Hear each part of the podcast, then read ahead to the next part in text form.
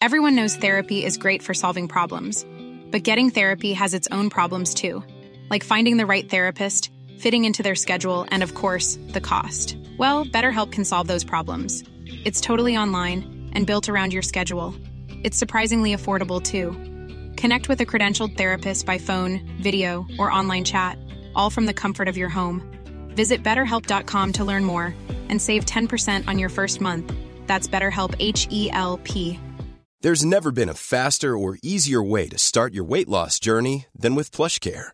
PlushCare accepts most insurance plans and gives you online access to board-certified physicians who can prescribe FDA-approved weight loss medications like Wigovi and Zepbound for those who qualify.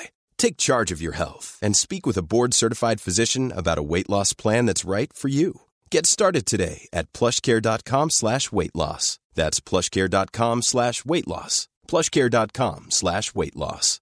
Hey, Dave. Yeah, Randy. Since we founded Bombus, we've always said our socks, underwear, and T-shirts are super soft. Any new ideas? Maybe sublimely soft. Or disgustingly cozy? Wait, what? I got it. Bombus. Absurdly comfortable essentials for yourself And for those facing homelessness. because one purchased equals one donated. Wow, did we just write an ad? Yes. Bombas. Big comfort for everyone. Go to bombas.com slash ACAST and use code ACAST for 20% off your first purchase.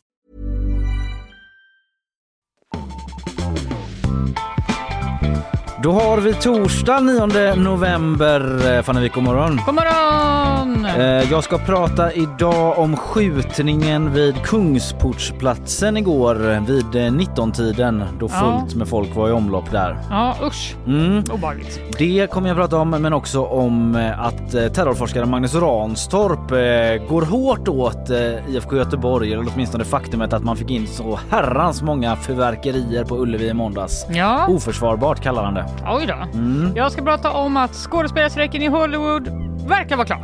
Ja, det blir film. Nu kan vi äntligen kolla på TV igen. Ja, Skoja. Inte ingen vill vi ju det längre. Nej, just det. Inte som att vi inte gjort det, men också typ att vi har tröttnat på det. Ja, vi har lite tröttnat på det. Fast Men, ändå gör man det. Exakt. Vi, eh, om vi vill så kan vi sluta läsa igen. Det är vår samtids största drog. Ja. HBO-konto och så vidare. Vi ska få gäst också. Andreas Wetterberg, chef för socialförvaltningen nordost i Göteborg. Han sysslar med ett eh, program, en avhopparverksamhet som startats här i stan som går ut på att tjejer ska få hjälp att lämna kriminalitet och kriminella gäng. Vi ska snacka med honom om varför det behövs, varför man startat det här och eh, kanske lite vad som skiljer eh, tjejer i den kriminella nätverksmiljön och killar liksom. Just Hur det. man jobbar mot dem så att säga. Då. Sen är det bakvagn. Vad har du där? Eh, jag ska prata lite om historien om Sverige. Ja. Den här storsatsningen som delar kritikerna kan man säga. Mm. Ska också prata om eh, lustgas och eh, varför vi tittar på 90-talsserier. Och jag ska prata om att Homer slutar strypa Bart och kanske lite om världens sista ridande räkfiskare. Shrimp Cowboys! Åh nej! Jiha! Nu kan de vara ett minne blott. Ja. Annars då? Vi måste väl ta lite kort i att det är ett jävla pissväder där ute Det igen. var bland det sjukare. När, eh, men jag är som att jag lever i en eh, fantasi varje morgon. När man Ja. går upp, så, alltså, för man ser ju inte ut för det är så mörkt. Så Nej, jag, precis. varje dag är jag så här, "Ja, jag tar min vanliga jacka. Mm. Och så kommer man upp bara, "Ah!" Men jag har liksom utvecklat eh, ett system, kanske är att ta i, men att jag tittar alltid på samma vattenpöl som är ganska väl belyst av gatubelysningen Aha. och så ser jag hur mycket det droppar där. Eh, Men jag hade faktiskt redan på förhand bestämt mig för att ställa cykeln den här morgonen. Ja, det gjorde du verkligen Ja. rätt i. Man liksom måste inte prata om vädret varje gång, men det är någonting som gör att man inte kan motstå när det är så jävla sideways blåst. Jag tycker att vi gör en insats för alla som inte har lämnat sitt hem än. Ja, Tänk då, att det är mycket värre än vad det ser ut. precis.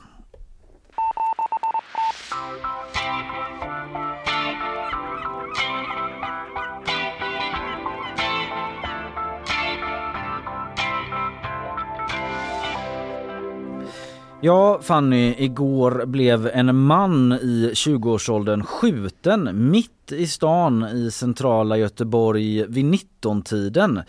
Då det såklart var fullt Eh, med folk i omlopp vid eh, Kungsportsplatsen där det här hände. Och vi på GP var på plats eh, kort efter händelsen.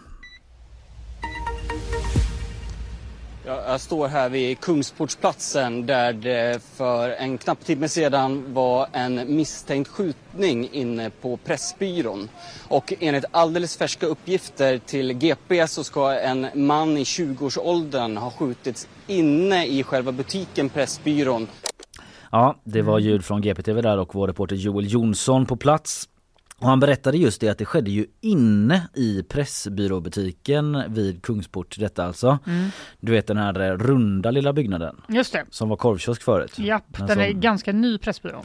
Ja, visst är den det. Mm. Och eh, Joel, eh, vår reporter, sa ju det att det är en man i 20-årsåldern då som sagt som ska ha blivit skjuten och han ska ha varit vaken och talbar då när han fördes till sjukhus och under kvällen kom uppgifter om att läget för honom ska vara allvarligt men stabilt. Mhm. Så allvarligt skadad. eh, Det finns väldigt få vittnesuppgifter från platsen. Mhm. Men eh, vi ska lyssna en liten bit till på vår reporter Joel Jonsson eh, som var på plats. Jag har haft lite kontakt med, med, med personer här som har va- varit i rörelse. Det är väldigt få, eller nästan ingen som har sett något. Men ett vittne berättade att han såg en man som släpades ut ur Pressbyrån och att han blödde eh, från, eh, från halsen. Mm, och han ska ha varit helt vit i ansiktet då den här eh, skottskadade mannen enligt det här vittnet. Och eh, enligt uppgifter till oss på GP då så ska den skjutne mannen ha träffats i höften och eventuellt i ansiktet. Mm, enligt eh, källor till oss. Och eh, då undrar man ju såklart vad är bakgrunden till den här händelsen? Det Ja. vet vi inte säkert men mycket tyder på att den har koppling till kriminella nätverk. Det uppger en källa för oss på GP då. Och eh, den här unge mannen eh, som har blivit skjuten han var ett, eh, eller är ett välkänt namn för Göteborgspolisen. Han har under flera år varit aktiv i den här konflikten mellan två kriminella nätverk i Biskopsgården, Mm. norra och södra Biskopsgården.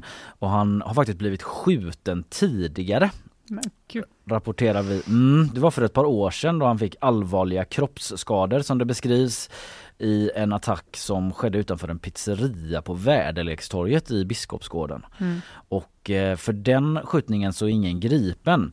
Men den ska ha satt igång då en kedja av hämndaktioner där flera ungdomar misshandlades svårt en tid därefter då. Och där dömdes eh, också flera för eh, inblandning i, den, eh, i de eh, misshandlarna.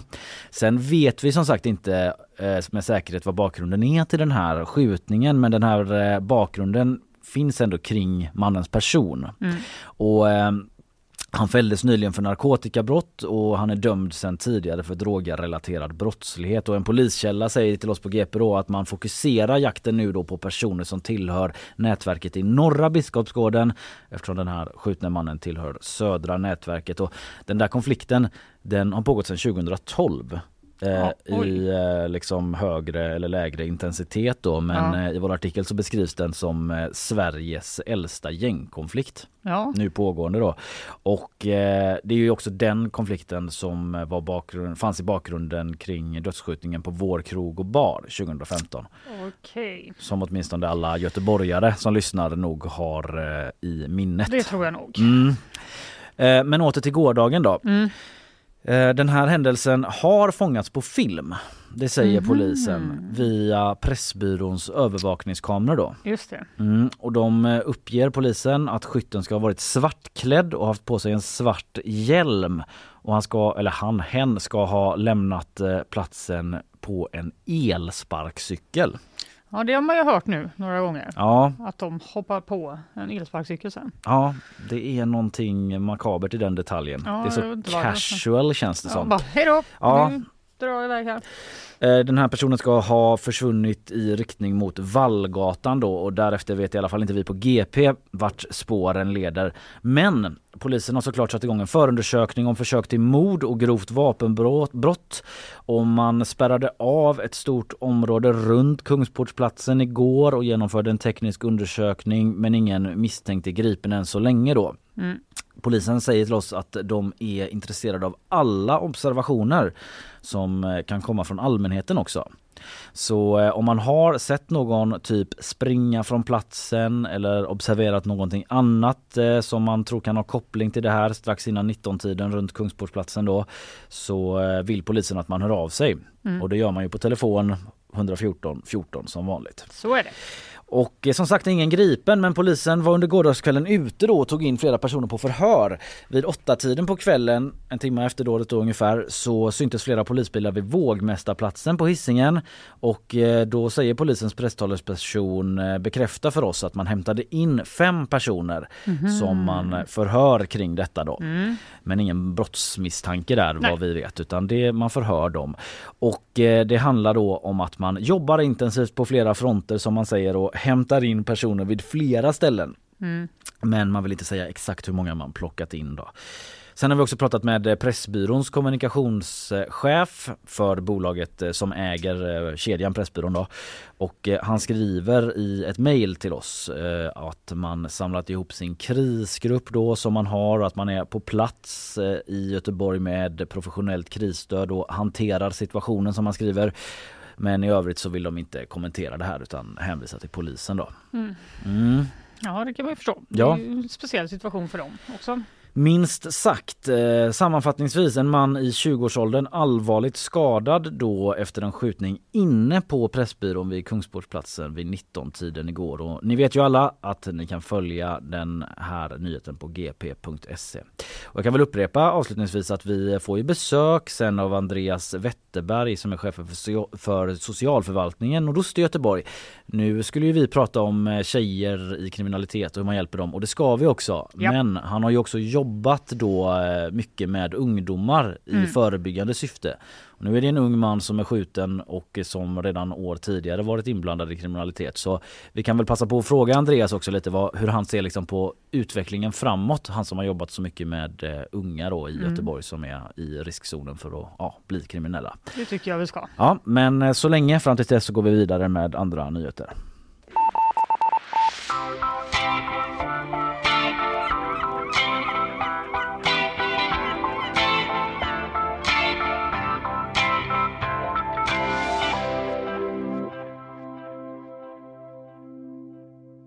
Fanny, du ska alldeles strax eh, snacka om att strejken är över Ja, i Hollywood. vad det verkar. Inte på Tesla. Nej, det vet jag eh, inget om. Mycket strejker i flödet nu. eh. Ja, visst är det det. Utan Lite liksom- trendigt. Ja, det är trendigt att strejka ja. Oklar trend. Men, ja. Ja, eh, innan vi går över till det så ska vi ta oss ett litet nyhetssvep. God, morgon, god morgon Isabella. Där får du mikrofon också. God Du morgon. läckte bara in i min mick när du önskade oss god morgon. Får skrika lite högre. Ja, nu behöver du inte det för nu har du fått en mikrofon och nu är ordet dessutom helt ditt. Varsågod med svepet. Brasiliansk polis har meddelat att man avvärjt ett terrordåd i landet. Enligt Israels underrättelse så ska dådet varit riktat mot israeler och judar och avsändaren ska ha varit Hizbollah.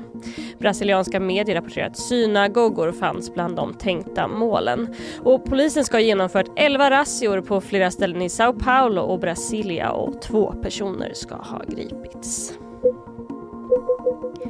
Oktober 2023 var den globalt varmaste oktober någonsin. Men inte i Norden. Här var det faktiskt kallare än vanligt. Men vad innebär det då? Jo, oktober i Norden var inte rekordkallt och enligt Erik Källström, professor i klimatologi vid SMHI så berodde oktoberkylan på förhållandevis nordlig strömning av luft mot Skandinavien. Men detta kan variera från år till år. Det innebär inte att Sverige eller våra nordiska grannar undgår den globala uppvärmningen i stort. Sedan slutet på 1800-talet så har Sveriges medeltemperatur stigit nästan två grader vilket går att jämföra med den globala siffran som bara stigit med en drygt en grad. Sveriges hockeylandslag Tre Kronor slutar att resa i landslagskläder. Detta har Hockeyförbundet beslutat och det görs av säkerhetsskäl. Det hela grundar sig i terrordådet i Bryssel där två svenska fotbollssupportrar miste livet. Beslutet innebär att man alltid reser civilt till och från ett land. Representationskläder är okej i bussar och på hotell men man kommer inte köra runt i stripade fordon. Beslutet gäller tills vidare och kommer omfatta alla de svenska hockeylandslagen. Tack Isabella. Deppigt ändå att de inte ska resa och liksom reppa Sverige i landslagskläderna. Ja, inga, Mm, inget tryck på bussar och inga kommersiella budskap som skulle kunna kopplas till Sverige och sådär. Nej. Så. Jag tänker på det som förekom i rapporteringen kring eh, det här terrorrådet i Bryssel att eh, den eh, gärningsmannen där ska ha frågat förekom ju i media att han hade frågat någon bekant typ vart landslaget bodde. Ja. Sen vad det betyder och liksom sådär, det är ju svårt att sätta sig in i den personens huvud men eh, kalla kårar ändå. Ja, verkligen. Mm. Men det finns väl en anledning att säkra, att de vill säkra landslagets Ja. liksom, För att inte tala om alla fans. Som Ja, där ju hela absolut. grejen är att Absolut. gå i kläderna. Eh, och eh, reppa laget. Ja, eh, tack för det Isabella. Tack så Vi, mycket. du återkommer lite senare i programmet.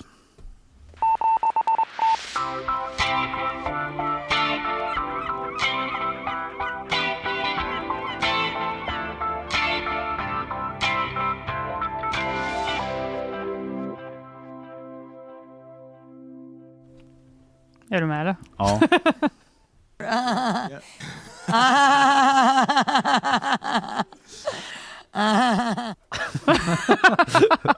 Legendariskt skratt ändå. Varför börjar vi med det? Kan vi klippa ut sen det där och när ditt genuina skratt kom in efteråt? Just det, vem det var har liksom inte det mest legendariska skrattet? Alltså det var inte jättelikt men det var ändå två karaktäristiska stra- äh, skratt. Ja. Mm. Vem var det vi hörde? göra. Vi hörde The Nanny Fran Fine. Ja, Eh, That's how she became the nanny. jag vet och jag har gått runt och sjungit på The Nanny-låten nu hela She morgonen. was working in a bridal shop in Flushing Queen still a boy kicking around of the crushing scenes. Varför kan jag den utan Det var det sjukaste. Kan What du? was she to do? Nej, Where was she to go? She's out on her fanny.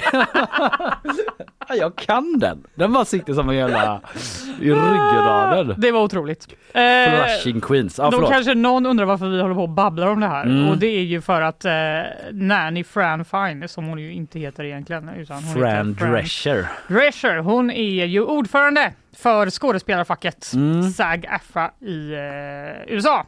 Och eh, nu verkar det då som att den här fyra månader långa skådespelarstrejken kan vara över. This just in. Det hände ju i natt. in i typ. natt. Mm. Eh, och eh, ja, det som har hänt är att de eh, facket helt enkelt har godkänt ett preliminärt avtal med film och tv-bolagen som då kan få Hollywood att rulla igen. Mm. Eh, och vi har ju nämnt det här lite då och då i programmet känns det som. Ja. Inte minst när vår eh, tv-konung Jan Andersson har varit Mm. här och pratat om allt som inte blir av då på grund av God olika strejker. save the king. Jan Andersson. Mm. Verkligen.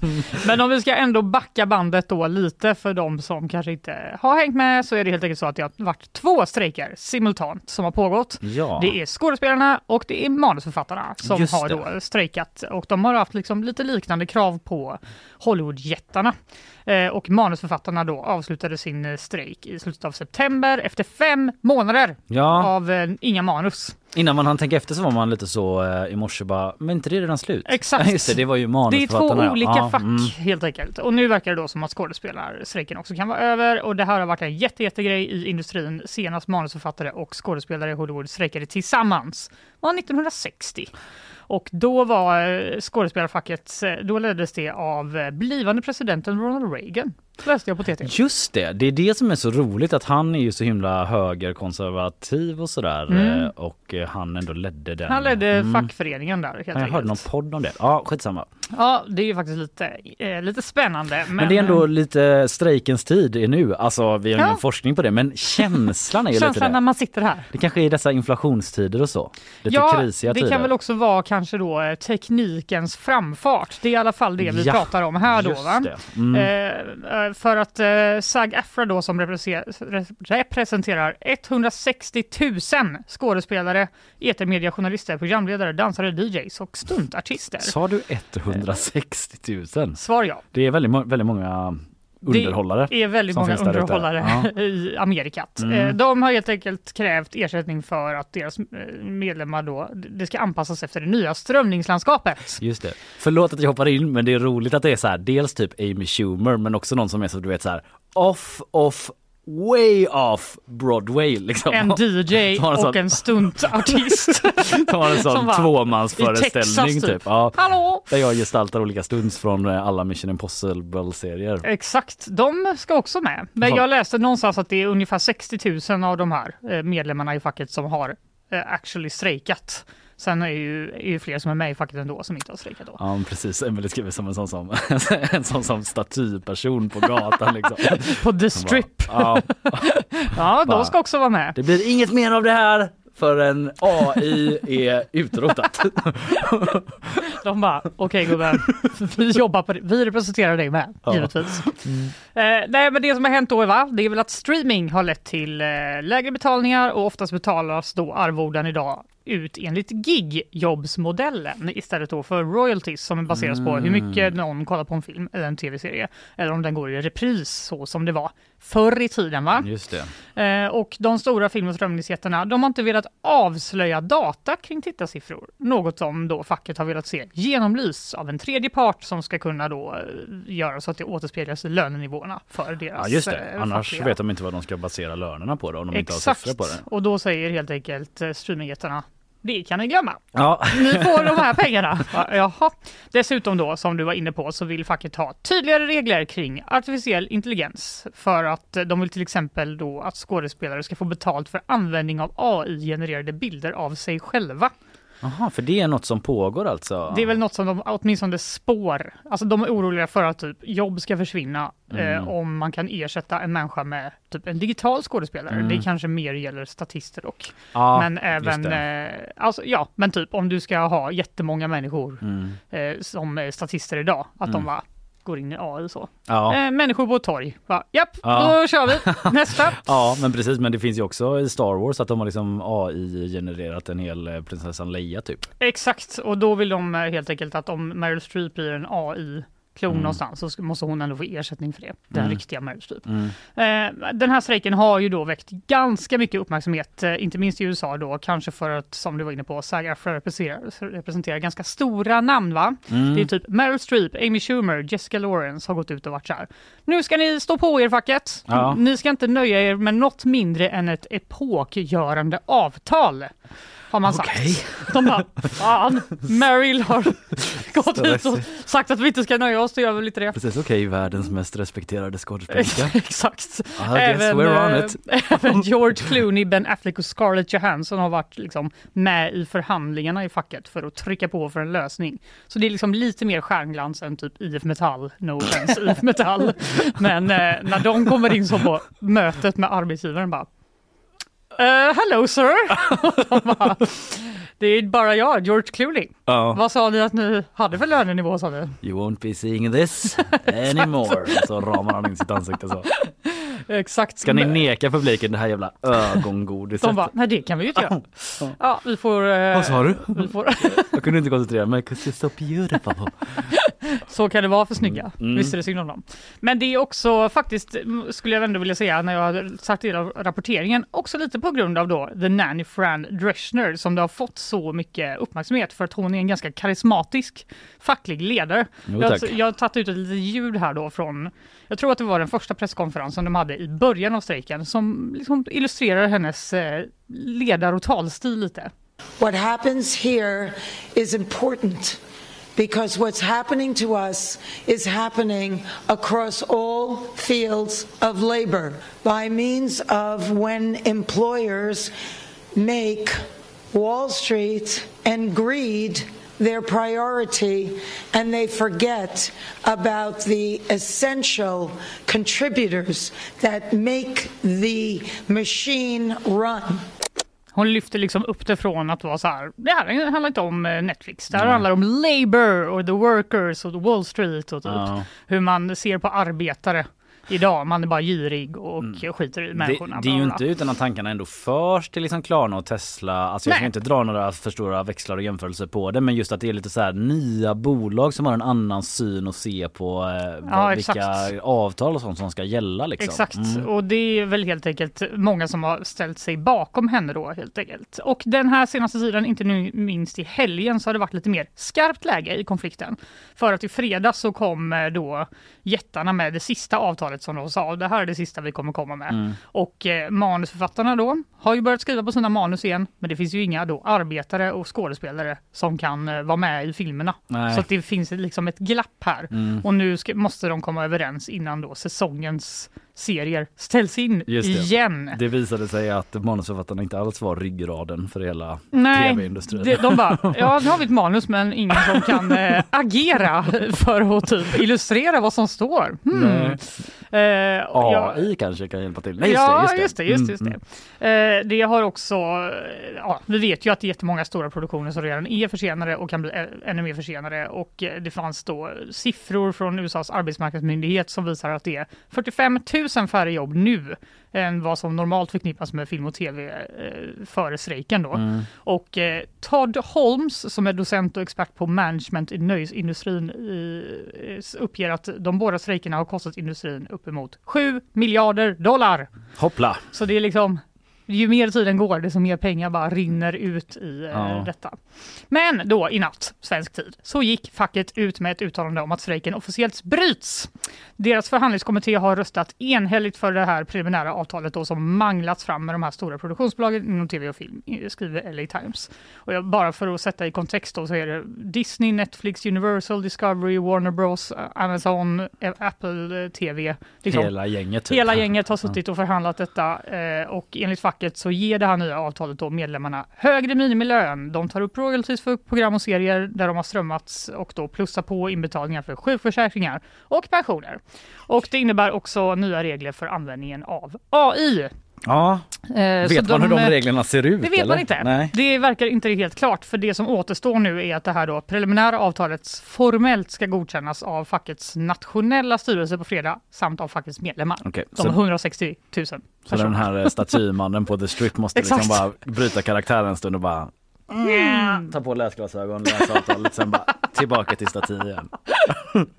Okej då, jag fortsätter. Och när han har gjort det, då kanske vi får ett avslut på det här. Vi får väl se. vi får väl se. ja.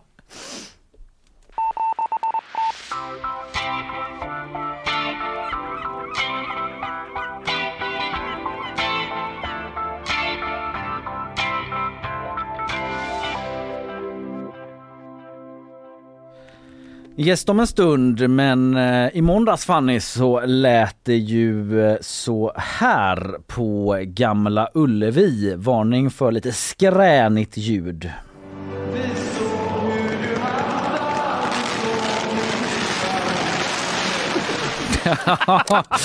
Lite skränigt ja. Ja, jag drog ner det tidigt. Det pågick ju ett bra tag men besparade allas öron den här längre fyrverkerikavalkaden då. Mm. För det var ju det som drog igång där. Mm. De som lyssnat i veckan har väl hängt med på det. Det var en jäkla massa fyrverkerier som drog ut över planen. Ja, det får man säga. Och det såg ju rätt fräckt ut men det fick också barn nere på inneplan att eh, lämna inneplan. Ja. För att det regnade att eld bara, från "What? himlen. Ja, det var ju ingen som skadade sig eller så men eh, barn som var maskotar sprang in i spelargången och det gjorde spelare också. Och eh, ja, som sagt många tyckte det var fräckt, andra tyckte så här hur fan kan det få gå till så här? Och nu rasar terrorforskaren Magnus Ranstorp Mhm. mot eh, misstanken om att den här pyrotekniken, alltså fyrverkerierna, ska ha gömts inne på arenan innan match trots det rådande terrorhotet och den sedan en tid förhöjda nivå. Just det. Nivån, förlåt. Nivå. Glömde ett N där i all uppståndelse. Ja. Eh, och väskförbudet då. Det är oförsvarbart säger han till Ja, oss på vi GP. pratade ju lite om hur fasen gick det till. Men Mm. eh, ja, oförsvarbart tycker Ni jag. pratade om det i början av veckan va? Ja, vi valt så här. Det kan man inte bara ta med sig in hur som helst. Nej, Mm. det har ju klarnat lite mer då, eller i alla Mm. fall teorierna kring hur det har gått till. Eh, Magnus Ranstorp är i alla fall den här terrorforskaren som många säkert känner till. Han brukar ju Mm. vara med i media rätt ofta och så. Men IFK Göteborg har ju själva tagit avstånd från fyrverkeriet. Man skrev Mm. på sin hemsida att användandet av pyroteknik är illegalt och inget som IFK Göteborg ställer sig bakom. Samtidigt så vet ju alla att eh, det förekommer ju typ varje omgång i allsvenskan. Alltså Ja. inte alltid på Blåvitt men att eh, det är bengaler och pyroteknik och sådär. Så det är en fråga som diskuterats länge. De har väl inte riktigt landat i exakt hur man ska hantera det inom fotbollen får man väl eh, säga ändå. Nej. Eh, I det här fallet då så ska det ha rört sig sannolikt om romerska ljus. Har du koll på det? Nej. Nej, inte this? jag heller. Det är Martin Hildeberg som säger det som jobbat med pyroteknik i 30 år ungefär. Som säger att det antagligen var det då att det inte var några superstora pjäser med så mycket Mhm. krut i då som skickades ut men att det var väldigt många. Och eh, vi la ju ut en snutt eh, på Instagram igår. Mm. Eh, och och eh, alla som sett det kan ju konstatera att det var, Det var väldigt många. Det Ja, kan det man kan man konstatera. Eh, Men då ställer sig ju vissa frågan då hur man kunde få in så här mycket pyrotekniskt material på en arena när terrornivån är på nivå 4 sedan en tid tillbaka. Plus att Mm. man precis infört det här väskförbudet då. Mm. Och Blåvitt de är tydliga med att fyrverkeriet inte kom in via entrén i väskor vid Mm. match trots att man då tillät eh, vissa väskor, lite mindre sådana, typ handväskor storlek ungefär eh, vid arrangemanget. Men man gick igenom alla dem noga så bara nej det var inte då eh, det kom in extremt mycket fyrverkerier. Nej. eh, så då borde det ju rimligen forslats in Innan. innan. Ja, Precis. det får man ju anta då. Ja, och eh, hur kan det gå till då? Polisens arenaansvarige Sebastian Berntsen säger till DN så här att det får ju inte ske med det säkerhetshot som råder mot Sverige att man ska få in så här mycket pyroteknik. Där måste vi ju generellt sett i samhället vara på tårna och ta den hotbilden på allvar.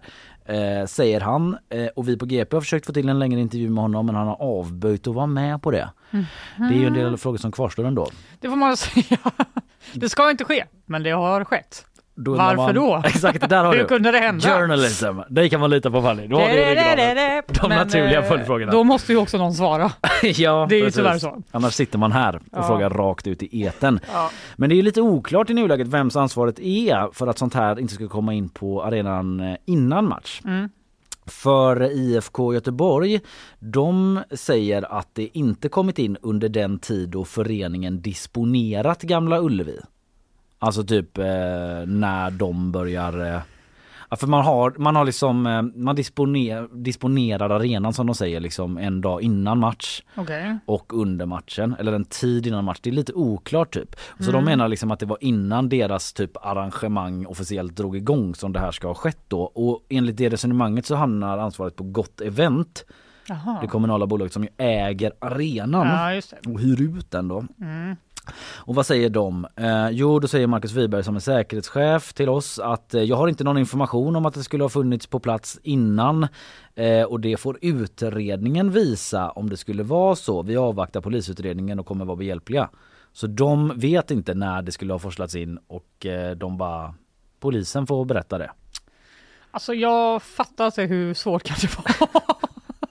Det tar ju ändå ganska lång tid för någon att rigga upp alla de här, eller? Man tänker ju det. Alltså Det- så svårt borde det inte vara att utreda det här. Nej men någonstans i huvudet känner man ju att man, om man tog det på väldigt stort allvar, att man verkligen inte skulle ha pyroteknik. Nej, då hade man nog kunnat lösa det. Mm, sätt upp en kamera. Kanske. Kontrollera vilka Det- som är på den här arenan. Kan vem som helst bara gå Kan jag gå in där nu? Eh, Antagligen inte. Jag men, antar eh, inte. Det finns nog sätt att ta krafttag. Sen kanske det finns eh, problem med det också. Jag vet inte. Men de här frågorna hänger ju i luften. Mm. Men i alla fall då, han på Gott Event tycker att det är en allvarlig händelse och i vår artikel så lyfts det liksom att man ju tidigare haft fall också där obehöriga tagit sig in på arenan inför match.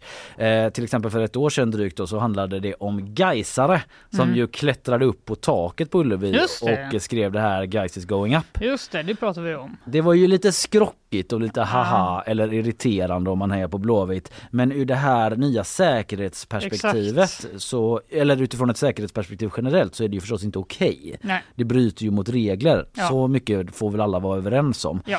Eh, och som sagt Magnus Ranstorp då, den kände terrorforskaren, han tycker att det är för dåligt. Att det inte ska få ske, de här Mm. sakerna. Han betonar dock att hotbilden mot eh, fotbollsmatcher är låg och att risken för en attack är begränsad. Mm. Så det vill man ju ändå ha sagt. Mm. Men han säger också att det visar liksom på stora brister i säkerhetstänket runt sådana här evenemang. Och att det finns ett symbolvärde också i för samhället i stort att man stoppar och Mm. undviker den här typen av ja, regelöverträdelse då. Mm. Det handlar inte bara om ett säkerhetsproblem när det gäller terror och så vidare utan det handlar om att göra det så säkert som möjligt för alla som är på arenan säger han. Mm. Och så fortsätter han med att prata då om att det visar att det fortfarande finns brister, vare sig det är ett skarpt säkerhetsläge eller ett eh, fyrverkeri så måste man ta lärdom av det här och försöka kolla igenom var någonstans man skulle kunna gömma detta och vem som skulle kunna föra in det. Mm. Så typ vart i systemet det brister då.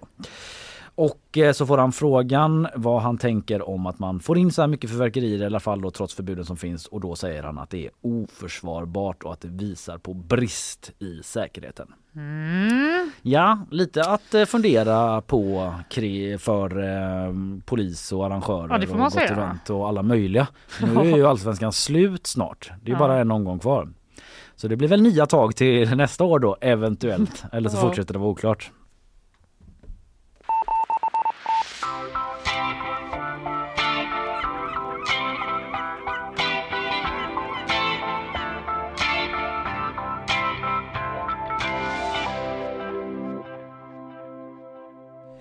Vi får gäst om en liten stund och han heter Andreas Wetterberg. Ja.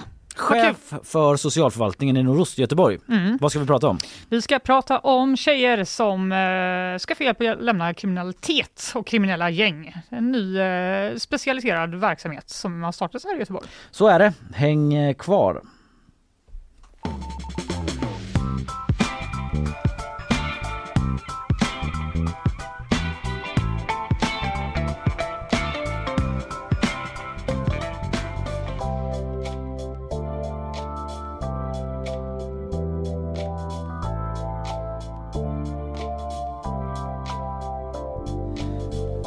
Det är torsdag, det är den 9 november och det är Fanny Wijk och Kalle Berg som sänder nyhetsshowen idag och eh, det är dags för att presentera vår gäst idag. Tjejer ska få hjälp att lämna kriminalitet och kriminella gäng i en ny specialiserad avhopparverksamhet som startas här i Göteborg. Vi ska snacka om det här nu, om hur det här specialteamet jobbar och varför eh, man kanske behöver andra metoder för att hjälpa just eh, tjejer då. Och eh, med oss för att snacka om det så har vi chefen för socialförvaltningen Nordost i Göteborg. Han heter Andreas Wetterberg. God morgon Andreas. God morgon. Du, innan vi tar oss in på det vi ska prata om egentligen så är det ju så att det inträffade en eh, skjutning igår vid eh, Kungsportsplatsen inne på Pressbyrån. En 20-årig kille ska ha blivit eh, skjuten och skadorna ska vara allvarliga men läget stabilt då. Du jobbar ju inte med det fallet så att säga men du jobbar ju med unga. Du har erfarenhet av att jobba med unga som befinner sig i kriminella miljöer. Bara dina tankar när du eh, nåddes av den nyheten. Eh, ja, det första är väl att det, det är ju alltid tragiskt när unga människor drabbas på det sättet. Eh, sen eh, eh, var det väl det är också, det är tråkigt, vi har ju varit hyfsat fredade ett tag eh, i Göteborg Mm. eh, från skjutningar om man jämför med övriga landet. Sen var det väl eh, bara en tidsfråga. Vi har ju samma, så att säga, eh, grogrund, vi har samma problematik eh, i botten i Göteborg som man har i de andra Mm. områdena i, i Sverige där, där vi har sett mycket skjutningar på slutet. Så det, det är inte oväntat på det sättet och det är inte första gången det händer i Göteborg. Så att, eh, sen får man väl hoppas att det är en isolerad händelse så att det inte det, det kan ju eskalera fort om man har otur och eh, det ska hämnas och det blir en sån spiral som, Mm. som drar igång och det är väl det hoppas man väl att man att polisen och vi från kommunen kan, kan jobba Mm. med och försöka, försöka bromsa en sån utveckling. Vi ska gå in på det här med tjejer i kriminalitet. Jag bara tänker du som då jobbar eh, med unga i de här miljöerna där ändå typ den kriminella återväxten så att säga kan finnas då liksom där man rekryterar folk.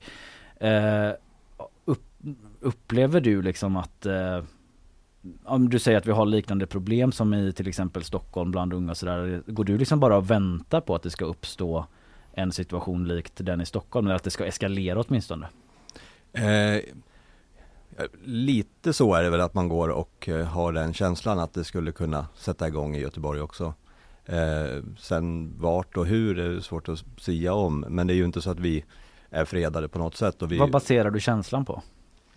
Nej men vi har ju gängkriminella Eh, Göteborg också och kriminaliteten i Sverige hänger också delvis eh, ihop där, där man utbyter tjänster eh, mellan de olika eh, gängen då eh, från Stockholm, Göteborg, Malmö, andra ställen som vi har sett eh, se- senare år att även i mindre städer. Eh, vilket ju gör att vi är inte liksom isolerade från, från resten av, av, av Sverige så att vi, de som lever i den här världen i Göteborg är också påverkade av det som händer och kan, det kan mycket väl dra igång. Nu behöver inte det som hände igår såklart ha någonting Nej. alls att göra med, med det som har hänt i andra delar av Vi Sverige. vet ju väldigt lite om bakgrunden till det Ja. dådet överhuvudtaget kan vi vara Så, tydliga med. nej, så det, det har väl mer känts som Delvis, vi kan ju alltid hoppas, eh, vi, vi går inte att vänta på det sättet. Vi, fördelen är att vi faktiskt jobbar också för, aktivt med att försöka motverka att sånt här händer och jobbar med individerna som vi kommer i kontakt med. Men sen är det, det är ju inte så att vi har jobbat bort alla problem. Så Nej. på det Men- sättet så går man väl och känner. När en sån här sak som igår händer, finns det något, alltså för att det inte ska eskalera, är det något som ni gör då direkt, att ni börjar jobba på ett annat sätt? Eh, Det som, det som händer är väl, vi har ju det här eh, GVI i Göteborg till exempel. Mm. Eh, Sluta skjut som det heter i Malmö. Mm. GVI, vad står Eh, det för? Group Violence Intervention. Okej. eh, som polisen och kommunen och kriminalvården bland annat körde igång här eh, förra året. Och, och det går ju igång. Det handlar ju om att det, det, det går ju ut på att, att bromsa eh, skjutningar. Mm. Eh, att försöka få stopp på det. Så det går ju igång och där man försöker att söka upp och prata med individer som man tänker skulle kunna vara inblandade, berörda. Du som man inte intensifierar det vid en sån här händelse att man eh, Ja. går ut och försöker snacka med folk då. Precis. Mm. Ja, vi kan ju återkomma lite mot slutet eh, kring eh, det mer eh, generella utvecklingen av gängkriminalitet och sam, i samhället då. Men till dagens ämne. Eh, det vi, ni startar ju det här specialteamet då som riktar sig just mot unga tjejer. Varför behöver man eh, ha det? Eh, ja, eh, därför att eh, tjejer är också eh, del i eh, gängkriminaliteten. Eh, och har en egen eh, agens, alltså att man in, vi har lätt att se tjejer bara som offer i det. Eh, det har släppts lite rapporter, polisen släppte en för, vad kan det vara, ett, två år sedan, eh, där man har tittat på hur polisen agerar och vilken kunskapsnivå som finns kring tjejer i gängkriminalitet i Sverige. Och den var väldigt låg kunde man konstatera. Eh, och det har ju vi också sett. Eh, det vi framförallt behöver det här till, det är för vår egen skull. Vi måste ställa, ställa om lite grann och uppmärksamma tjejerna. Och det, nu går vi in och ska samverka med polisen bland annat i det här, eh, och vården också. Eh, och det handlar om att alla behöver få upp ögonen, eller vi behöver få upp ögonen för, för tjejerna. För det är, det är lätt att vi, eh, som sagt, ser dem som offer eller tänker att eh, om eh, det polisen såg är ju att om de på torget eh, kontrollerar eh, en grupp med ungdomar, unga vuxna så, så kan, de- har de ju full koll på killarna. Mm. Men eh, att veta Mm. vad tjejerna heter, det, Just det. det var det sämre med. Och Okej. likaså att man om en tjej och en kille eh, säger att det är ett narkotikabrott, man hittar narkotika i, i en lägenhet. Eh, så utifrån, eh, det, inte, det har inte varit ovanligt att killen åker på det, tjejen släpps utifrån någon slags för någon tanke om att tjejen måste vara oskyldig i det här. Mm. Eh, Att hon bara var där. Hon var bara hade- där, ett offer i sammanhanget. Just. Eh, vilket eh, vi kan se är ganska naivt att tänka. Sen, sen ser vi också att tjejer är utsatta på ett annat sätt. Men vi kan inte vara så naiva och tänka att, att alla tjejer bara, bara är offer heller. Mm. Utan vi måste se båda delarna. Men har det blivit fler, alltså vanligare, att man ser eh, tjejer i de här miljöerna? Eller är det mer att man inte har tittat på dem på det sättet då? Ja, men jag, tror, jag tror att det handlar om, vi har, det är väl något som vi kanske i samhället eh, gör så då, att eh, man har det, det narrativet på något sätt att tjejer är offer och det gör att vi inte riktigt ser, jag tänker inte dem, om man tänker sig en, en gängkriminell så, så den mediala bilden och så, så är det ju inte det Mm. en tjej. Nej. Men går det att säga någonting om hur stor eh, del eh, av liksom eh, de kriminella handlingarna som utförs av gäng som tjejer ligger bakom? Nej, vi kan inte, jag kan inte säga det. Eh, och det är också, vi, vi gjorde ju en, en förstudie förra året eh, där vi tittade på behovet av att sätta igång ett arbete. Eh, och där, där vi ser att, eller uppfattningen, det här är ju ingen vetenskaplig. Eh, studie heller, så men uppfattningen från många av dem vi har pratat med, och det är både socialarbetare, poliser, vården, eh, kriminalvård, eh, är ju att det, de har ju en ganska, de fyller en ganska stor del av, av gängens verksamhet. Eh, och det handlar ju både om att Eh, man, har, man är ihop. Eh, det relationella, man är ihop med någon. Mm. Och där finns det en utsatthet men det finns ju också många som söker sig till den typen av, av killar och den, den miljön Mm. av Mm. egen eh, vilja så att säga. För Mm. att man drar också vissa vinster. Och där handlar det ju såklart om att också facilitera kriminaliteten på så sätt att man kanske gömmer, förvarar eh, och utför vissa kriminella handlingar. Mm. Eh, det är Typ också- vad då eh, för kriminella handlingar? Är det liksom eh, Är det ovanligare att en tjej är med och säljer droger? Ovanligare får vi nog säga att det är. Ja. Men det är klart att det inte är Det är, det är inte ovanligt på det sättet. Nej. Eh, sen eh, är det ju så att man eh, Det är smartare såklart. Vi har ju tittat, vi har hört mycket nu om att man använder yngre personer. Mm. Men att använda tjejer är ju på samma sätt smart då eftersom att, som jag var inne på, att Mm. vi tenderar att missa tjejerna. Mm. Och inte kolla igenom Polisen kanske inte kollar igenom alla handväskor. Eh, och åtminstone har man inte gjort. Nu tänker jag att polisen också är mer eh, på tårna kring det här och det kommer ju mer och mer rapporter att, att tjejer grips och eh, Mm. är involverade i kriminaliteten. Så att eh, ehm, eh, det är nog alla typer av kriminalitet och vi, vi ser också att det är både från det här mer ska säga, traditionella, att man är ihop med någon och på så, på så sätt eh, försöker underlätta kriminaliteten. Mm. Men till att man har ett eget våldskapital och och begår egna liksom våldsbrott och är mer typisk så kriminell som vi tänker att killar är. Mm. Men om man jämför rekryteringen in i kriminella nätverk, hur skiljer det sig åt mellan tjejer och killar? Är det samma typ att man, man kanske inte rek- rekryteras som en springpojke då? Nej precis. Utan, Ja, där är det ju viss, eh, eh, viss skillnad. Det här är en sån sak som vi också ska titta mer på. Mm. Eh, för det måste jag väl säga då, så att vi, vi kör ju igång nu. mm, Eh, så att, ny, eh, vi- nya, ny information som ska komma. Ja, precis. Men eh, som du säger så är det ju inte lika vanligt att man eh, i ung, den unga åldern blir använd för, gängen, inte vad vi vet i varje fall. Mm. Eh, utan det är mer att man, man kanske sen blir, blir ihop med någon, söker sig till till de killarna på torget eller den miljön på, på olika sätt. Men det är mycket där eh, du pratar om att man kanske blir ihop med någon men jag menar tjejer som inte är ihop med någon men ändå är i den här miljön. Mm. Är har de liksom samma uppdrag så att säga som vilka gängmedlemmar som helst typ?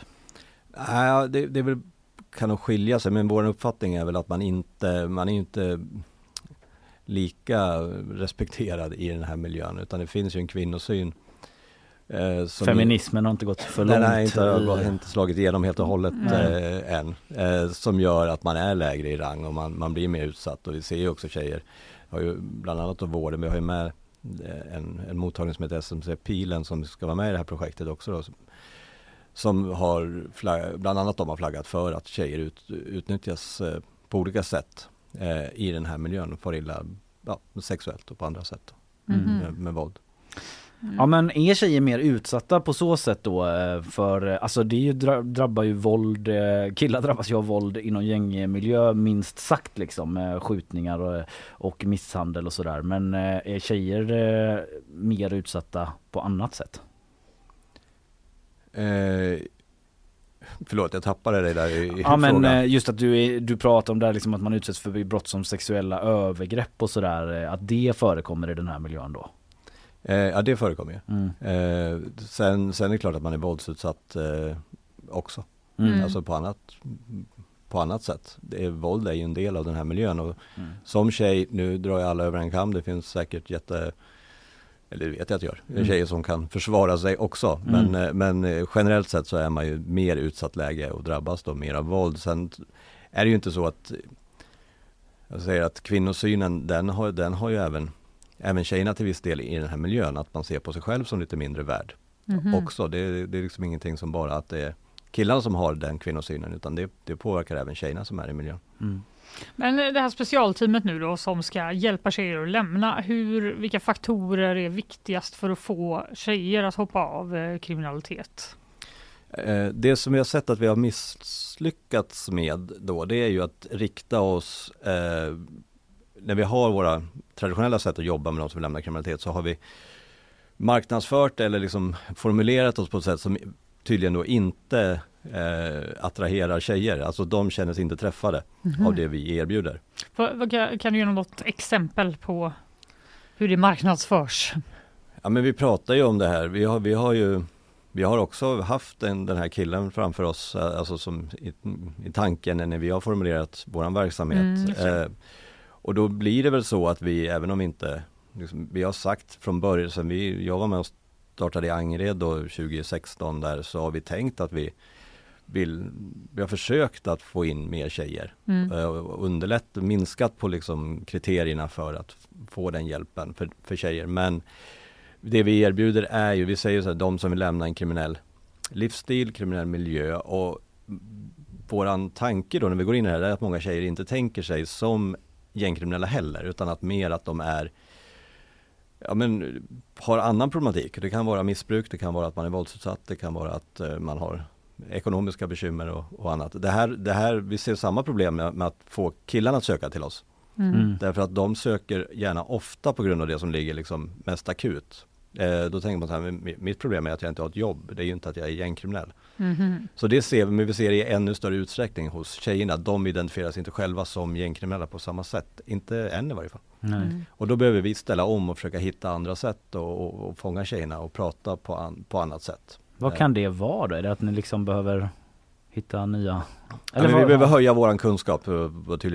Om vi höjer kunskapen hos de som träffar då eh, de som söker ekonomisk hjälp eller som söker hjälp med, för att de är våldsutsatta eller för att deras, de är oroliga för sina barn, de har blivit förälder precis. Om vi höjer kunskapen där och kan se tecknen på att här finns, är det någon som lever i en kriminell miljö och påverkas av det och kriminella tankemönster. Mm. Så kan vi, då kan de ta hjälp av oss då, eller de som ska jobba i det här med just det här arbetet med tjejer. Mm. Eh, så att vi där kan komma in och se att eh, det är klart att man ska få hjälp med det som man söker för också då, men, men att vi kan koppla på hjälp just kring de här kriminella tankemönstren och eh, den identiteten. Men hur skapar man den eh, kontakten? Liksom? Är det att bara snacka med folk på stan typ? Eller att man liksom gör hembesök eller skickar små pamfletter typ eh, hem? Eller hur gör man?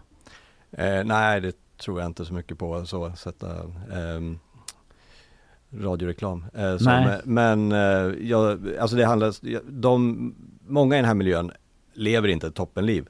Mm. Eh, och det är både killar och tjejer. Och då söker man, antingen så åker man fast hos polisen. Mm. Eh, och där kommer vi i kontakt med många killar. Eh, hoppas att vi kan öka, det låter ju taskigt, men vi hoppas att polisen ska ta fler tjejer också. Ja. Eh, vi, har, vi kan jobba mot kriminalvård. Men och sen så söker man, som jag sa, man lever inte ett toppenliv så man söker hjälp för andra problem. Det. Och det är där vi måste finnas så vi kan hitta dem. Och nu är vi, ju- har vi också vården med oss, då, en mottagning där som kommer i kontakt med, med många tjejer också. Och där tänker vi att vi kan komma in tidigt Mm. eh, och, och, och sätta in hjälp. Sen behöver vi, det kommer nog inte bara att vara enkelt utan vi kommer ju behöva motivera och form, liksom göra, och, göra oss till ett, till ett valbart alternativ för de här tjejerna också. Och då behöver vi ha konkreta saker att erbjuda. Och där eh, det här är ju, vi har ju fått medel från EU och ett syfte som EU har det är att eh, öka Alltså det är en arbetsmarknads eh, Mm. Fråga. fråga Mm. också då att vi vill få, Vi har fått pengar också då för att fler tjejer ska komma in på arbetsmarknaden. Mm. Eh, så att vi kommer ju jobba Vad är det för med- jobb typ? att det kommer nog vara väldigt olika. Vi kommer inte ha jätte, alltså jobb och stå och vänta men däremot så kommer vi ha en plan för hur man kan liksom börja arbetsträna eh, Ja, okej. och på det sättet successivt. Vi, vi, vi tror och vi, vår erfarenhet om man jobbar med, med, mer med killar och det är ju att man man är inte riktigt jobbredo. Om du kommer utan CV och utan erfarenhet så Mm. behöver man jobba både med den problematiken som finns men man behöver också jobba med eh, hur går det till? Hur gör man på en arbetsplats? Ja, det kan man ju bara relatera till sig själv när man Ja, bara hade ett sommarjobb typ. Jag fattar ju ingenting. Nej, man Nej. får börja från början helt enkelt. Så är det och sen när man har Det man framförallt måste lära sig att stå ut med det är ju att det är Det är inte superkul varje dag att gå till jobbet. Nej. Eh, Exakt. Den här morgonen var inte toppen till exempel. Nej. Du av... Förlåt Fanny. Nej. Nej. Det är avslutningsvis bara tänker så här, du har ju jobbat, eh, du har ju stor erfarenhet liksom av att jobba med eh, unga människor och sådär. Och det talas ju mycket om eh, våldseskaleringen bland unga, att fler liksom lockas av de kriminella gängen. Har du, hur upplever du attitydsförändringen? Upplever du att unga idag, typ i Göteborg och nordost, är hårdare, svårare att få kontakt med, mer våldsbenägna? Hur upplever du det? Eh, Jo, alltså det, alltså det är fler som är påverkade av så att säga, den, här kriminella livsstilen. Det ser vi ju. Mm. Eh, och att det kanske också är fler som är förtroendekapitalet för sam, samhällsinstanser som socialtjänst är mindre också, vilket ju påverkar. Så på det sättet så är det tuffare att det är fler. Sen, sen har det här, det här är ju verkligen inget nytt fenomen utan vi har haft tyvärr ganska många ungdomar även tidigare som, som har sökt sig till det här. Men med musikkultur, eh, annan kultur som påverkar så, så är det fler som, som, eh, som är ganska lätt rekryterade in därför att man är man, vad ska man säga, identiteten är påverkad av alltså, ja, den här kriminalitetsidentiteten redan från början. Det, det är en analys som vi har gjort, sen om den stämmer eller inte men att för ett antal år sedan så var det lättare att se rekryteringen för då, då hade vi, vilket vi fortfarande har på många av våra torg i Göteborg, alltså att vi har kriminella som, som uppehåller sig där. Mm. Eh, men äldre kriminella.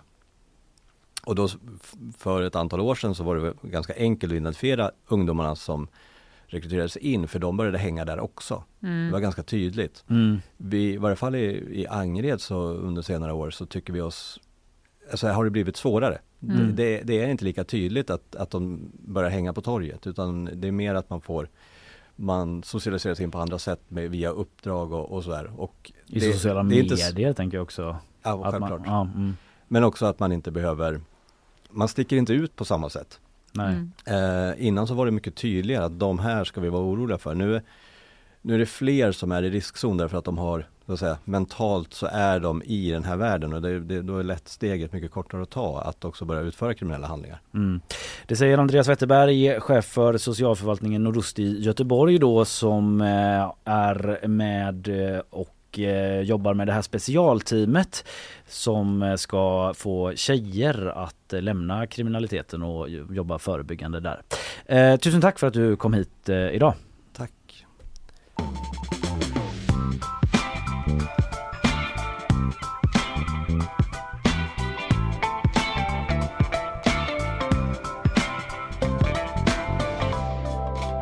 Vi ska andas frisk eh, nyhetsluft. Isabella är här. Du har koll på nyhetsflödet. Eh, Det snackas lite om en ny grundstötning. Åh nej. nej. Gubevars. Frisk luft, till och med sådär havsbris. Ja, vad är det som har hänt? Eh, en skärgårdsbåt har gått på grund utanför Saltholmen. Va? Det finns bilder på gp.se som man kan se. Eh, det, Surfar kolon in. Men vadå, skärgårdsbåt, är det alltså de som går ut till typ de, som- ja, men precis de som öarna? eh, trafikerar där ute i det är liksom en båt som har ju, en av de Nej, här båtarna gud, som jag gjort en grundstötning som... eh, Herregud det finns ju rörligt på gp.se på detta. Vilken modern sajt. Va? Det ser helt sjukt ut ju. Jag ska kört upp på en holme. Ja, men, ja den ligger verkligen på land. Vilken Hur har detta gått till? snygg eh, film vi har på vår sajt om jag Mm. får skryta lite. Ja, en läsare som har skickat in där. Eh, nej men den här båten har då hamnat på en holme. Eh, det inleddes en sjöräddningsinsats då. Men det, ska vi, det verkar som att det inte funnits några passagerare på den här båten som tur var. ja det var ju tur. Eh, så det verkar inte som att någon har kommit till skada i alla fall. Eh, GP söker eh, Styrsöbolaget som trafikerar de här sträckorna för att Mm. se vad, vad är det som har hänt? Hur kunde den här båten hamna på den här holmen? Ja det är verkligen i ögonfallande. Den har verkligen kört upp på den här holmen och det är räddningsbåtar eh, ser det ut som eh, där i närheten och Ja. hjälper till. Ja. Ja, det får vi väl följa då vad som eh, skedde där egentligen. Får vi göra. Eh, vi tar oss också vidare till eh, Sverige. vi blickar Från ut från Saltholmen till Sverige. Från en holme i södra skärgården till Ja. Sverige i stort. Och till virus. Mm. Eh, de senaste veckorna har man sett en uppgång eh, av covid-19. Ja. Mm. Även bland personer. Eh, alltså... På GP. det känns som det är lite Känns som- ja, men det på är ju, vår Jag tror att typ. eh, det är många som kan känna igen sig att det är ganska mycket sjukdomar. Ja, Ute på många som är eh, sjukfrånvarande och så. Ja. Eh, Men det behövs, verkar det som på sjukhusen också lite högre belastning nu med vård och intensivvård. Och man har Mm. också faktiskt sett en ökning av avlidna kopplat till covid-19. Eh, Vi får hoppas att den, de här siffrorna inte sticker iväg utan det kan hålla sig på relativt låga nivåer som det ändå fortfarande gör. Ja. Men från och med i tisdags så finns eh, vaccin tillgängligt kostnadsfritt för de som omfattas av rekommendationerna. Just det.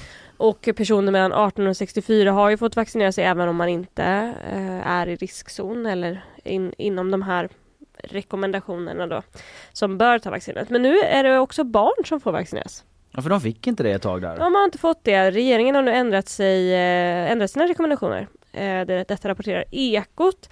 Det drygt ett år sedan så satte man ju upp en rekommendation att endast barn med särskilda skäl skulle få det här vaccinet. Ja, ja. Och eh, jag, jag kommer inte ihåg varför så då tog jag reda på det. Mm. Eh, Läkartidningen skrev för drygt ett år sedan att barn och unga under pandemin generellt inte blivit så sjuka. Nej. Och det var, var liksom grunden till att ja, men. De behöver nog inte vaccineras. Men eh, detta verkar inte vara förenligt med lagen påstår nu regeringen. Jaså? Eh, att neka Oj. vaccin. Så eh, nu får barn från eh, sex månader också vaccinera sig om man vill. Okej. Så där ja. Eh, vi ska, jag ska vilja också göra en kort uppdatering eh, från konflikten eh, mellan Israel och Hamas. Det var i eh, israeliska armén som uppgav att 50 000 civila igår ska ha flytt från norra till södra Gaza. Mm. Mm. En eh, stor förflyttning av människor eh, och Israel har ju uppmanat dem som har varit i norra Gaza att fly- flytta på sig. Ja, Ehm, och nu intensifieras ju markoffensiven som vi Ja. pratade om igår också.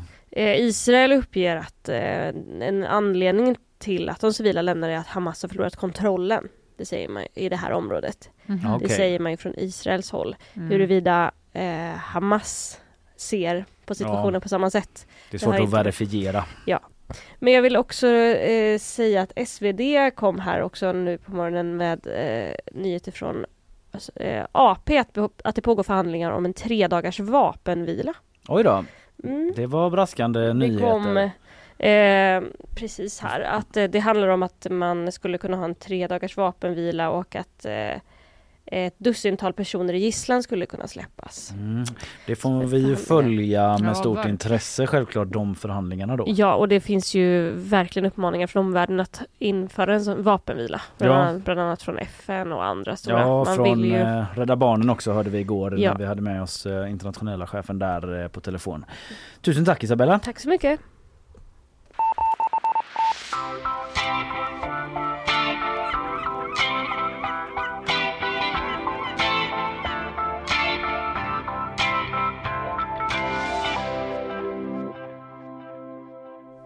Jag sträcker lite. Ja vi också. sträcker Oj, ut lite bara mellan bakvagn och eh, så brukar vi sträcka lite på oss. Sträcker vi oss in i bakvagnen.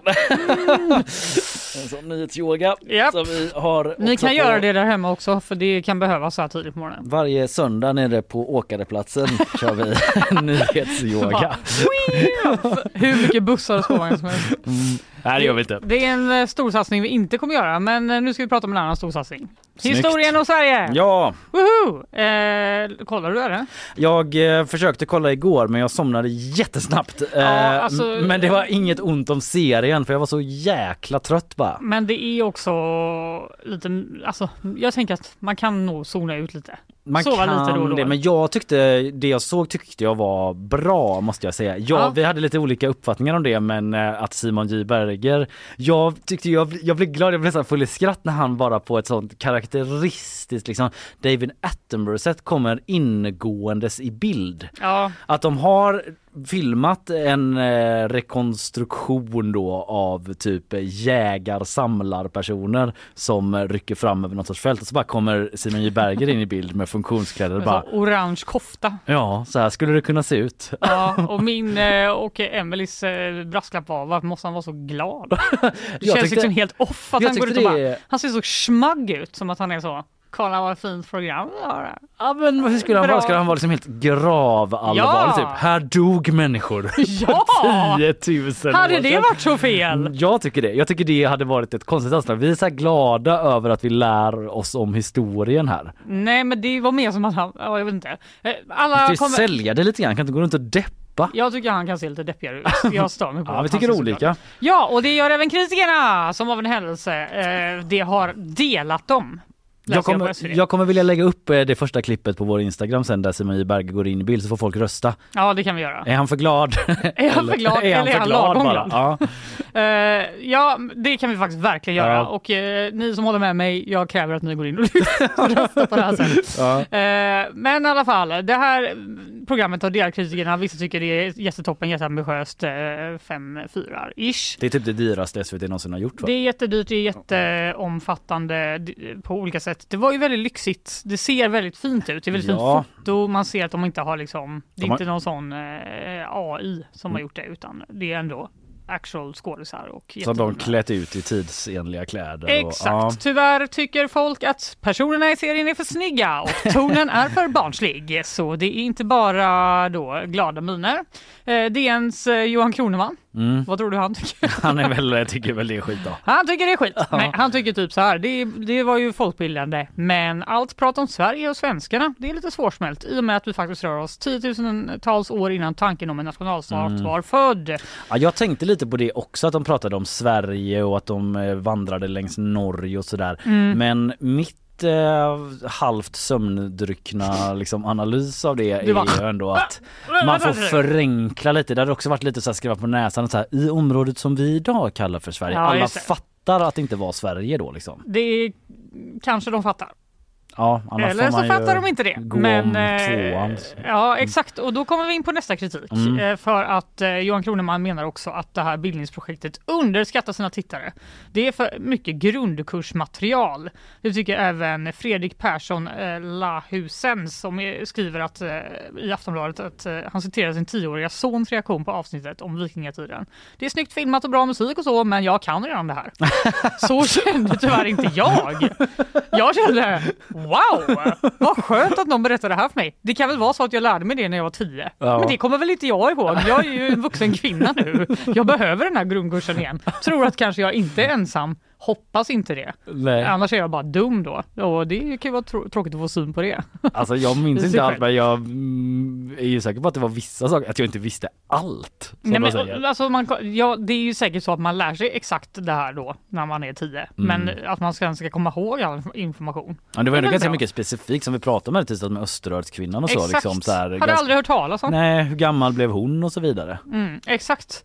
Eh, men eh, det är också då många som har haft synpunkter på att alla stenåldersmänniskor i serien har vältvättade kläder och plockade ögonbryn. Kvinnorna har rakade armhålor och ben medan männen i välvårdade hipsterskägg ser ut att komma direkt från en dyr barberare. Jaha, Så står det i det tänkte jag inte på. Men om de har rakade armhålor så är det... Jag tänkte faktiskt på exakt just den detaljen för att det är så när de står och det är väl österrörs kvinnan som står och fiskar eller någonting med ett Ja, spjut och att man det. bara oj vad hon har liksom len hy. Det är ju lite slarvigt i så Ja, det fall. tycker jag bara var onödigt. Ja, Bara, du kunde bara inte rakat armhålan. den skådisen typ vägrade. Hon bara, det, det känns inte Du vill hygieniskt. inte vara någon jävla grottmänniska eller? Jo men du ska det! Det är ju därför du är här. Det är poängen! eh, SvD har i alla fall eh, ställt frågan till Dick Harrison. Ja. Eh, ägnade man sig åt den sortens personlig hygien vid den här tiden? Och då svarar han i ett mejl, ärligt talat, jag har ingen aning. Det är är, svårt en gissningslek för Ja. arkeologer och jag är bara en simpel historiker. Det är ju dock en järv gissning att de skulle hållit på att raka Ja, armarna typ. alltså- Med flinta då eller? De bara, di, di, di, Ja. står det en sån fors med Ja. lite... Det kanske Kom igen ett- vi måste dra! Det hade sig Inlandsisen håller på att smälta här borta. De bara, jag ska bara... också att det måste väl vara värmande att ha lite behåring. Ja, högst eh, tveksam till om de eh, gjorde det. Ja, det är jag också. Men den största snackisen, vågar jag ändå säga, har ju också rört då de här stenåldersmänniskornas hudfärg. Mm. Eh, vår egen kåsör Christian Wedel skrev en text om det i början av veckan. Och det som är grejen är då att de första personerna i Skandinavien var mörkhyade. Det stämmer överens med dagens analyser av DNA man har hittat då och sen efter ett tag så kom det andra människor från dagens Ryssland och Östeuropa Mm. som hade lite ljusare hud och de här grupperna fick barn med varandra. Men den första gjorde- gruppen var också blåögda ofta. De var blåögda och hade mörk pigmentering. Just det, ovanlig kombo idag ändå. Det är lite ovanlig kombo idag ja. Globalt det är snyggt tycker jag. Ja, ja. Lite synd. Eh, men det, Det är här... den snyggaste eh, rasen.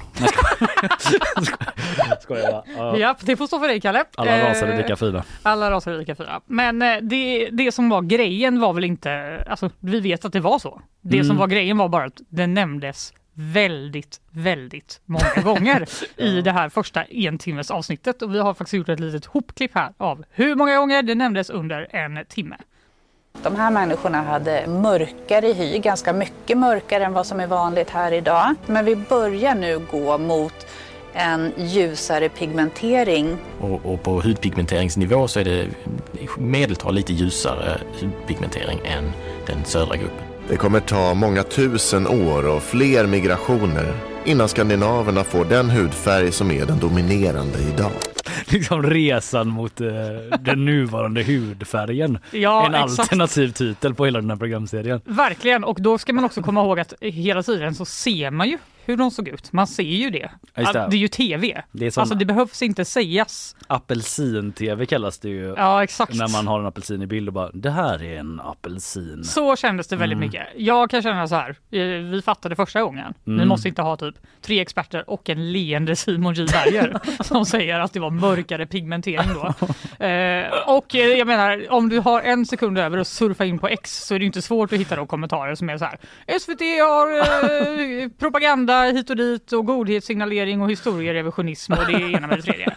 Det kunde ju en eh, åsna räkna ut. Dock Men det är ändå typ sådana trollkonton mycket Ja, va? det är ju mer att de säger att det inte stämmer och det, vi vet att det stämmer så det Ja. behöver vi ju inte liksom eh, diskutera ens. det. Då kan man ju tycka typ att är det så relevant att man måste nämna det kanske fyra, fem gånger på en timme? Nej, och också visa det samtidigt. Ja, mm. Det är väl tycke och smak. Mm. Eh, Men det- att bara visa det hade ändå varit lite så, aha. Nej, man måste ju Mm. säga, man måste förklara en gång. Mm. Eh, men kanske en eller Mm. två då, på sin höjd. Ja. Kan jag tycka. Ja, ja. Jag är ju ingen recensent. Men man tar också upp Well. det här i, inte på CVt, bara i mitt typ personliga liv. Fanny kolon, jag är ingen recensent. Också Fanny recenserar allt. Allt. Så är det hela tiden, jag är för eller emot. Ja. Men eh, de tar också upp, de har ju också ett eftersnack till den här påkostade tv-serien i Ah, SVT. det har jag missat. Två eftersnack tror jag de har, en för vuxna och en för barn. En för vuxna och ett om hudfärg. Exakt. De tar också upp i eftersnacket då, eh, en forskare får svara på frågan varför är det så viktigt vad de har för hudfärg? och då svarar personen så här. Varför är det viktigt att veta vilken typ av pigmentering och ögonfärg som människor hade på stenåldern? Så egentligen så är det inte speciellt viktigt. Nej, det är inte speciellt viktigt. All Okej, right. vad bra. Nej, men eh, så här, det är inte speciellt viktigt, men det finns såklart massa saker man kan eh, få fram ur Mm. den eh, informationen. Den här forskaren säger, fortsätter då prata om att man kan få en bild av migrationsmönster och andra egenskaper, Ja. sjukdomar, bla bla bla. Och sen tänker jag så här, viktigt och viktigt men allt, allt som man kan få veta om hur de såg ut på den här tiden är ju ändå intressant. Ja. Det är bara fun facts på eh, minimumnivå liksom. Det är exakt Ja. och man kan också alltså, veta att hon var väldigt lång österrikskvinna till exempel. Eller, Mm. Blev ganska blev 70 gammal. år, Ja. Man kan få fram massa annan information ur det helt enkelt. Käka fisk och, Eh, och så vidare. Mm. Man kan veta som att käka fisk. Men med allt detta sagt då så kan vi ju komma ihåg att det alltså är flera hundra experter inom historia och arkeologi som har bidragit med kunskap och fakta till den här serien och det kan vara bra att försöka hålla isär fakta och åsikter. Jag bara säger det.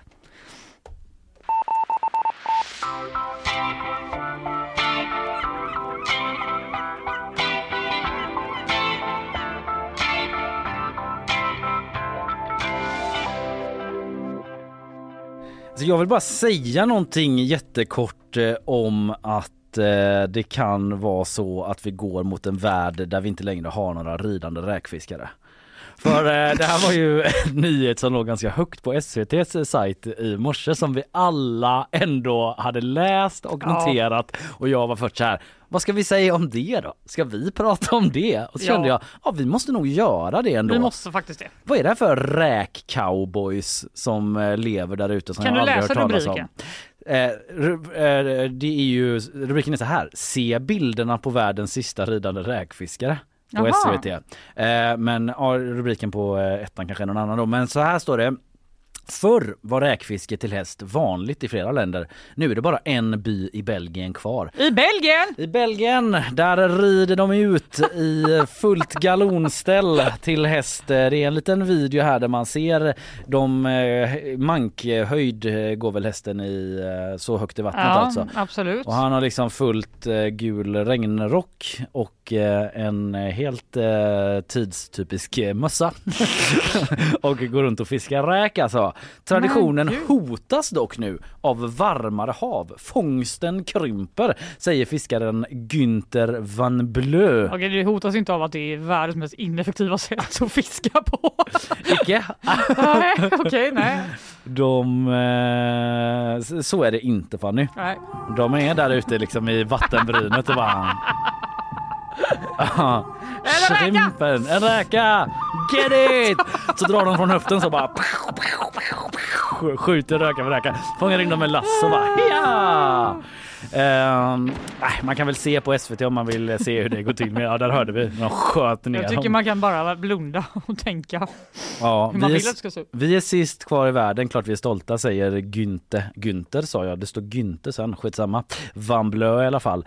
Eh, men som en följd av havstemperaturerna då och klimatförändringarna så förändras fisket och eh, då eh, letar sig andra, alltså djuren letar sig uppåt i Nordsjön. Mhm. Så det kanske det är för finns- djupt för hästarna att leta där. Ja precis och att man kanske ska till eh, eventuellt kallare vatten då. Det är kallare i Nordsjön så det kan ju vara så att det öppnar upp sig en marknad för eh, räk-cowboys eh, här på våra De kanske kan rida på något annat djur. En liten delfin. Ja. Eller? Nej, kanske inte så praktiskt men eh, ja. Ett ser framför mig man hänger fast på som bara dyker rätt ner i Nordsjön och bara fångar en räka med hov typ. Ja! Den här ska jag sälja på Hemköp!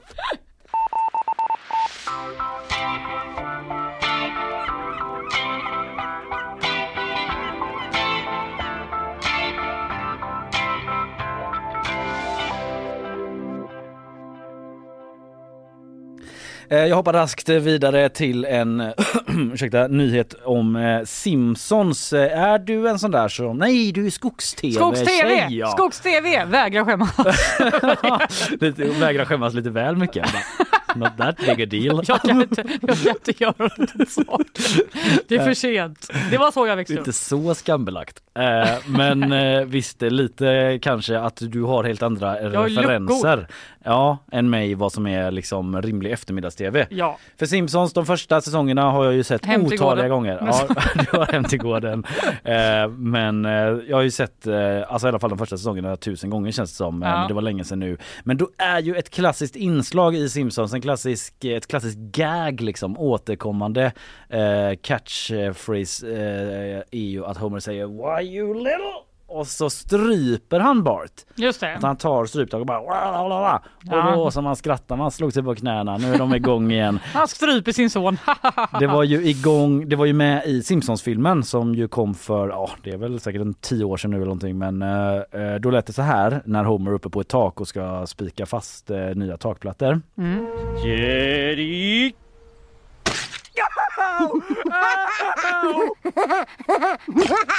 You little, I'll teach you to laugh at something that's funny! ja.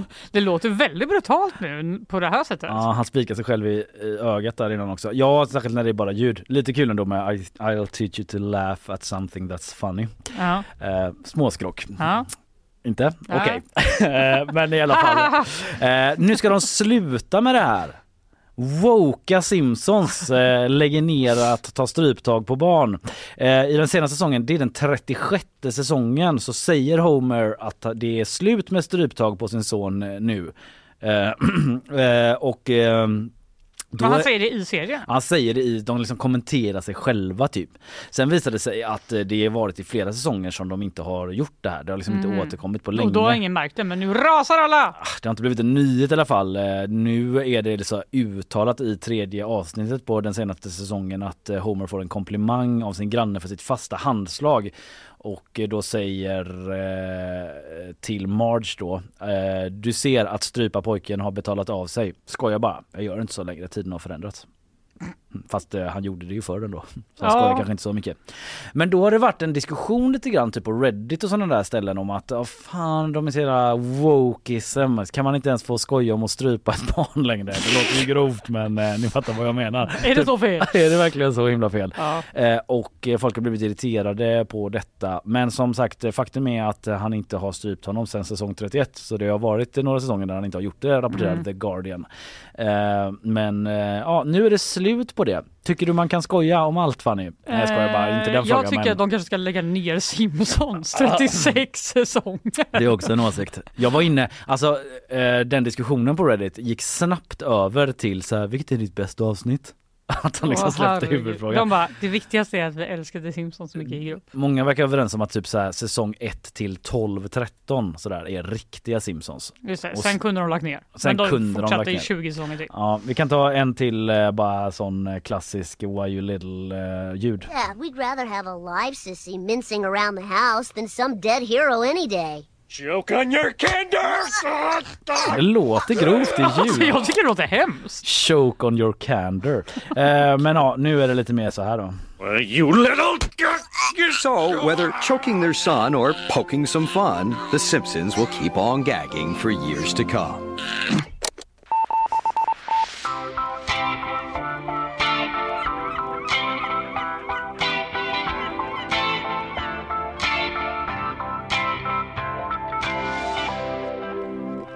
Lustgaskalle. Ja. Det har blivit ett allt populärare partydrog bland ungdomar. Ja, det har väl pågått ett tag Ja. eh, känner jag. Det kanske. har pågått Men det kanske har blivit ännu mer populärt då. Jag Ja. kan säga i Vasastan där jag bor, Mm. om man går ut på en söndag. Det ligger sådana lustgastuber överallt. Alltså, Ja, hela skolgården här mitt emot där jag bor. Varenda buske. ja, jag ska inte låtsas som att jag typ såhär bara, Åh, det är väl gammalt. Alltså, jag har stött aldrig på det när jag var out and about eh, som mest liksom. För Nej men du är nog lite för gammal Ja, faktiskt. jag tror det. Eh, så här står det på Dagens Nyheter. Lustgas som bland annat används inom sjukvården. Ja, det var väl det som var meningen va? Mm. Det har blivit populärare i festsammanhang. Tullverket har tidigare flaggat för att importen av lustgas i Sverige ökat och eh, läkare har varnat för att användningen kan ge blodproppar och allvarliga neurologiska och psy- psykiatriska besvär. Ja. Låter kul. Nu ska man i Storbritannien då förbjuda användning och innehav av lustgas. Eh, De uppger att det är den näst Nej, uppges vara den näst med missbrukande, står det här. Vad menar de med det? Det står fel. Mm. ja, eh, missbrukande drogen bland ungdomar i ålder, åldrarna 18 till 24 år. Typ den näst eh, vanligaste Ja, missbruksdrogen. jag antar det för att den är väldigt eh, lätt att få tag i. Ja. Va? Om man använder det för att bli hög så riskerar man två års fängelse i eh, Storbritannien nu. Mhm. Och eh, straffet för försäljning kan bli uppåt 14 år. Okej, jag Det vet ju, alltså i Stockholm så fanns det ju någon, en känd eh, bar liksom. Mm. Där det var helt så att grejen med den baren Ja, var de sålde man- sådana ballonger. Ja, sålde sådana ballonger och jag, det, man var där någon gång och man säger jag fattar typ inte är det här olagligt eller bara is this okay? Typ, Ja, det, är, det är inte det. I det Sverige är inte heller. olagligt i Nej Sverige. det är inte olagligt. Nej. Eh, det står också så här då att eh, Storbritannien är näst ut efter Nederländerna som i januari blev det första landet i världen att kriminalisera bruk av lustgas efter att runt 1800 bilolyckor som resulterade i 63 dödsfall under de tre senaste åren som då kunde spåras till lustgas på något Oj, sätt. man har dragit lustgas i bilen. Ja, det kan ju det vara att man väl- inte var i bilen i och för sig. Mm. Antal. Eh, I Sverige så säger man att eh, användningen bland ungdomar ökar och att man ser försäljning på nätet och utanför krogar, i parker, i butiker och på privata fester. Mm. Eh, eftersom det är lagligt i Sverige så ses det som ofarligt bland många unga, men det är långt ifrån riskfritt, skriver polisen på sin hemsida. Så vi får väl se. Jag tycker själv att det ser lite så konstigt ut när man går ut med hunden och det står typ ett gäng och bara tar lustgas. Ja. Jag födde liksom mitt barn på bara lustgas. Ja, just det, just så det. pass Ja. kraftigt är, är ändå ruset liksom. Att man Ja. kan klara av eh, Ja, men till exempel att föda ett barn. Väldigt speciellt. Det kanske är någonting eh, de kommer titta på från regeringen när eh, de har typ löst eh, Ja. gängvåldet. De har ju lite andra problem först kanske. Och de har väl det. Får vi se. Du, eh, vi rundar väl av. Jag kan väl bara nämna att eh, Zelda kommer bli eh, film också, bara för det var en nyhet som berörde mig på djupet. Gud vad mysigt. Ja, har du spelat eller? Ja det har jag. Mm, har du spelat det nya? Nej det har jag inte. Nej, inte jag heller. Jag har bara lånat ut det till en kompis för att mitt privatliv is no more. Så han, han fick spela först och berätta om hur det var. Eh, men en, en dag ska jag spela det. Det ska bli en eh, sån spelfilm, alltså inte animerad. Med actual people? Ja, det What? är Miyamoto, det är seriens eh, skapare, Mm. S- Nintendo-serie, eller Zelda-serien för Nintendo, som säger att eh, det kommer ta ett tag, men vi ser fram emot att se den. En live action alltså om Zelda. Jag ser fram emot att se det. Yes, idag så har vi inledningsvis talat om skjutningen inne på Pressbyrån på Kungsportsplatsen Mm. där en man i 20-årsåldern skadades allvarligt men hans tillstånd ska vara stabilt. Mm. Eh, I bakgrunden enligt uppgifter till oss på GP så finns eh, en eh, gängproblematik. Ja. Du har pratat om Hollywoodstrejken. Den verkar vara över. Vi får se. På fredag ska det skrivas under det nya avtalet som Mm. manglats fram. Och jag ser här att Fran Fine, Fran, vad heter hon? Drescher Hyllas av skådespelarna. För sin För insats att de som har nu förhandlare. Typ. Ja. Mm. Kanske blir eh, Gladiator 2 då, den var ju hotad eh, minns jag. Mm, Kanske blir klar i tid. Eh, Magnus Ranstorp kritiserar förverkerierna på eh, Ullevi. Eh, Blåvitts förverkeri där fansen han säger att det är oförsvarligt att de kom in. Sen hade vi gäst Andreas Wetterberg var här och pratade om eh, den nya satsningen på att få unga tjejer att hoppa av eh, kriminella gäng och sådär. Mm. Det är någonting man inte varit specifikt inriktad på på det sättet innan. Man kanske inte har haft tillräckligt med kunskap Nej. om tjejer i de här miljöerna. Det vill man eh, få eh, ändring på nu. Mm. Sen eh, snackade vi ju också lite om Sveriges historia. En god kvart. Ja. det gjorde vi. Men det var, väl kul. Yes, vi är tillbaka imorgon. Ja, hej då. Hej!